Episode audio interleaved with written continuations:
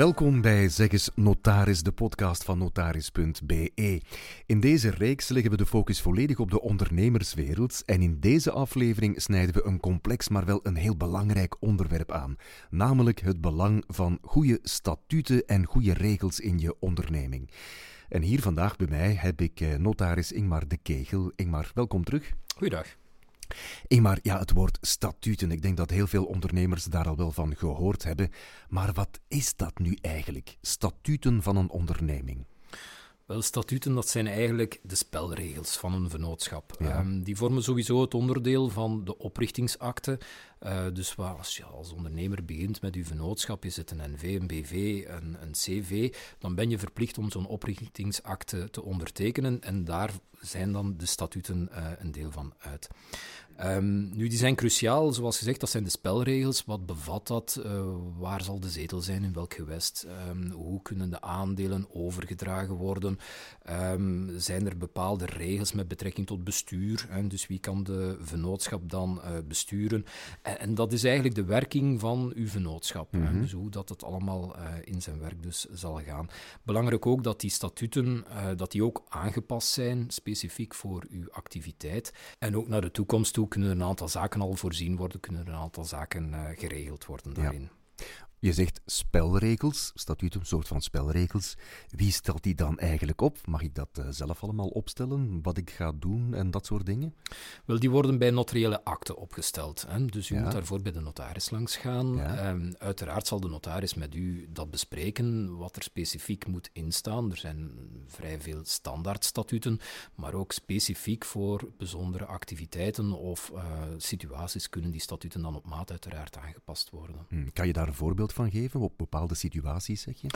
Alles hangt ervan af. Is dat een familiale vennootschap? Zijn dat een aantal aandeelhouders, vrienden bijvoorbeeld, die samen een vennootschap oprichten? Ja, dan is het natuurlijk van belang om te kijken, wil een van hen eruit? Hoe kan dat? Zijn er beperkingen uh, naar de overdracht van die aandelen, bestuur? En mm. zo regelen ze zich onder elkaar. Ja. Dus allemaal die zaken maken dat we daar toch uh, op maat statuten kunnen voorschrijven. En die statuten heb je nodig bij een NV, een BV, een, wat heb je nog gezegd? Een CV. Een CV, ja. ja. Die zijn dan niet nodig als u dan gewoon een eenmanszaak hebt. Hmm. Hè, dus of als u onder een maatschap werkt, dan hebt u die. Uh, dan zijn er geen spelregels nodig? Nee. Dan mag je doen wat je wil? U kan met uzelf doen wat u wil.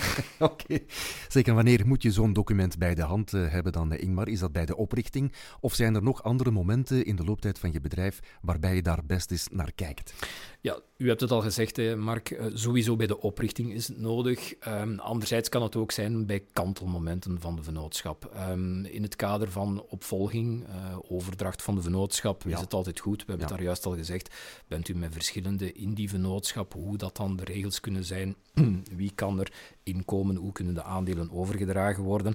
En anderzijds zijn er ook uh, wettelijke uh, kantelmomenten. Mm -hmm. uh, nu recent is de vennootschapsregelgeving aangepast. En dat maakt dus dat voor 1 januari 2024 ook die statuten moeten aangepast worden. Ja. Nu, dat biedt niet alleen verplichtingen, maar ook opportuniteiten. Hè. Dus we hebben al een aantal zaken aangehaald. Uh, die kunnen geregeld worden met statuten. Dus we kunnen van de nood een deugd maken om dan tegelijkertijd uh, al het nodige te doen om die statuten volledig actueel te maken, enerzijds, maar ook meer op maat van uh, de cliënt. Mm -hmm. Dus je moet die statuten laten aanpassen voor het eind van dit jaar. Klopt, ja. En daar moet je sowieso bij de notaris voor langs. Inderdaad. Ja. Oké. Okay. Um, Neem nu dat ik zelf eens een kijkje wil nemen naar mijn statuten. Kan ik dat? Kan ik daar als bestuurder of als aandeelhouder aan? Nu, als u het statuut laat aanpassen of bij de oprichting van een vennootschap, wordt ja. er altijd een neerlegging gedaan. Dus dat is bij de griffie van de ondernemingsrechtbank. Mm -hmm. En de meeste neerleggingen zijn sowieso elektronisch. Dat houdt in dat we het ook uh, in de databank van de statuten, de statuten uiteraard neerleggen, maar anderzijds is er ook de mandatendatabank. Dus daar kan u gaan kijken wie kan die vennootschap vertegenwoordigen, zijn ja. er beperkingen of hoe zit het. Okay. Nu, die beide databanken zijn via de notaris.be website Dus daar kan u sowieso die statuten en die mandaten ook gaan uh, nakijken en mm -hmm. controleren. Oké. Okay. Stel, ik heb nog steeds een BVBA, dat is de voorloper dus van een uh, BV zoals we die nu kennen. Dan moet ik toch wel stilletjes aan die statuten laten aanpassen. Hoe pak ik dat aan? Ik maak een afspraak bij de notaris en vertel, wat gebeurt er dan? Klopt. Dus ja, u neemt een afspraak. Eh, de notaris zal u uiteraard ontvangen en, en met u van de gelegenheid gebruik maken om ja, vaak niet alleen dan te kijken hoe zit het met die statuten, wat dient daar aan aangepast te worden, mhm. maar ook om eens te kijken op familiale vermogensrechtelijk vlak, zijn er andere zaken, testament en dergelijke meer.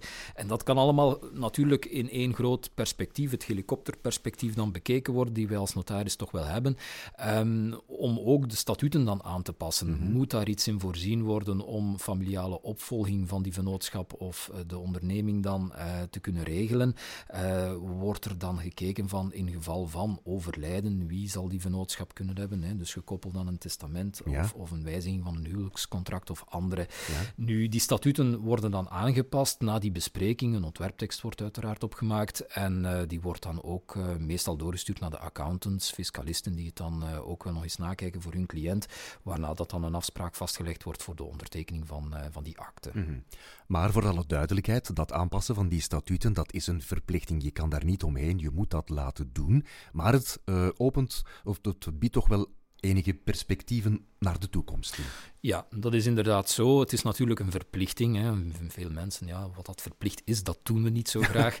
Maar we moeten het inderdaad een beetje positief toch kijken. Uh, vooral positief, omdat het opportuniteiten opent en, en biedt met dan die aanpassingen te kunnen doen naar het kader, in het kader beter van uh, toekomstperspectief, uh, overname van de vennootschap, eventueel stoppen met de vennootschap. Hè. Sommige mm -hmm. mensen zullen zich de vraag stellen van, ja, loont het nog de moeite om ja. met die vennootschap verder te gaan? Want daar is ook niet alleen voordelen aan verbonden, maar ook wel een bepaalde kostprijs elk jaar. Mm um, anderzijds uh, ook de wijziging van de statuten, waar er vroeger bij de BVBA verplicht een kapitaal was, uh, is natuurlijk nu de BV, wat dat een voornaamste vennootschapsvorm is, kapitaalloos. En van die gelegenheid kan dan gebruik gemaakt worden om dan die onbeschikbare vermogensbestanddelen die dan geblokkeerd staan in die vennootschap, om die vrij te maken en dan uit te keren aan de aandeelhouders. Ja.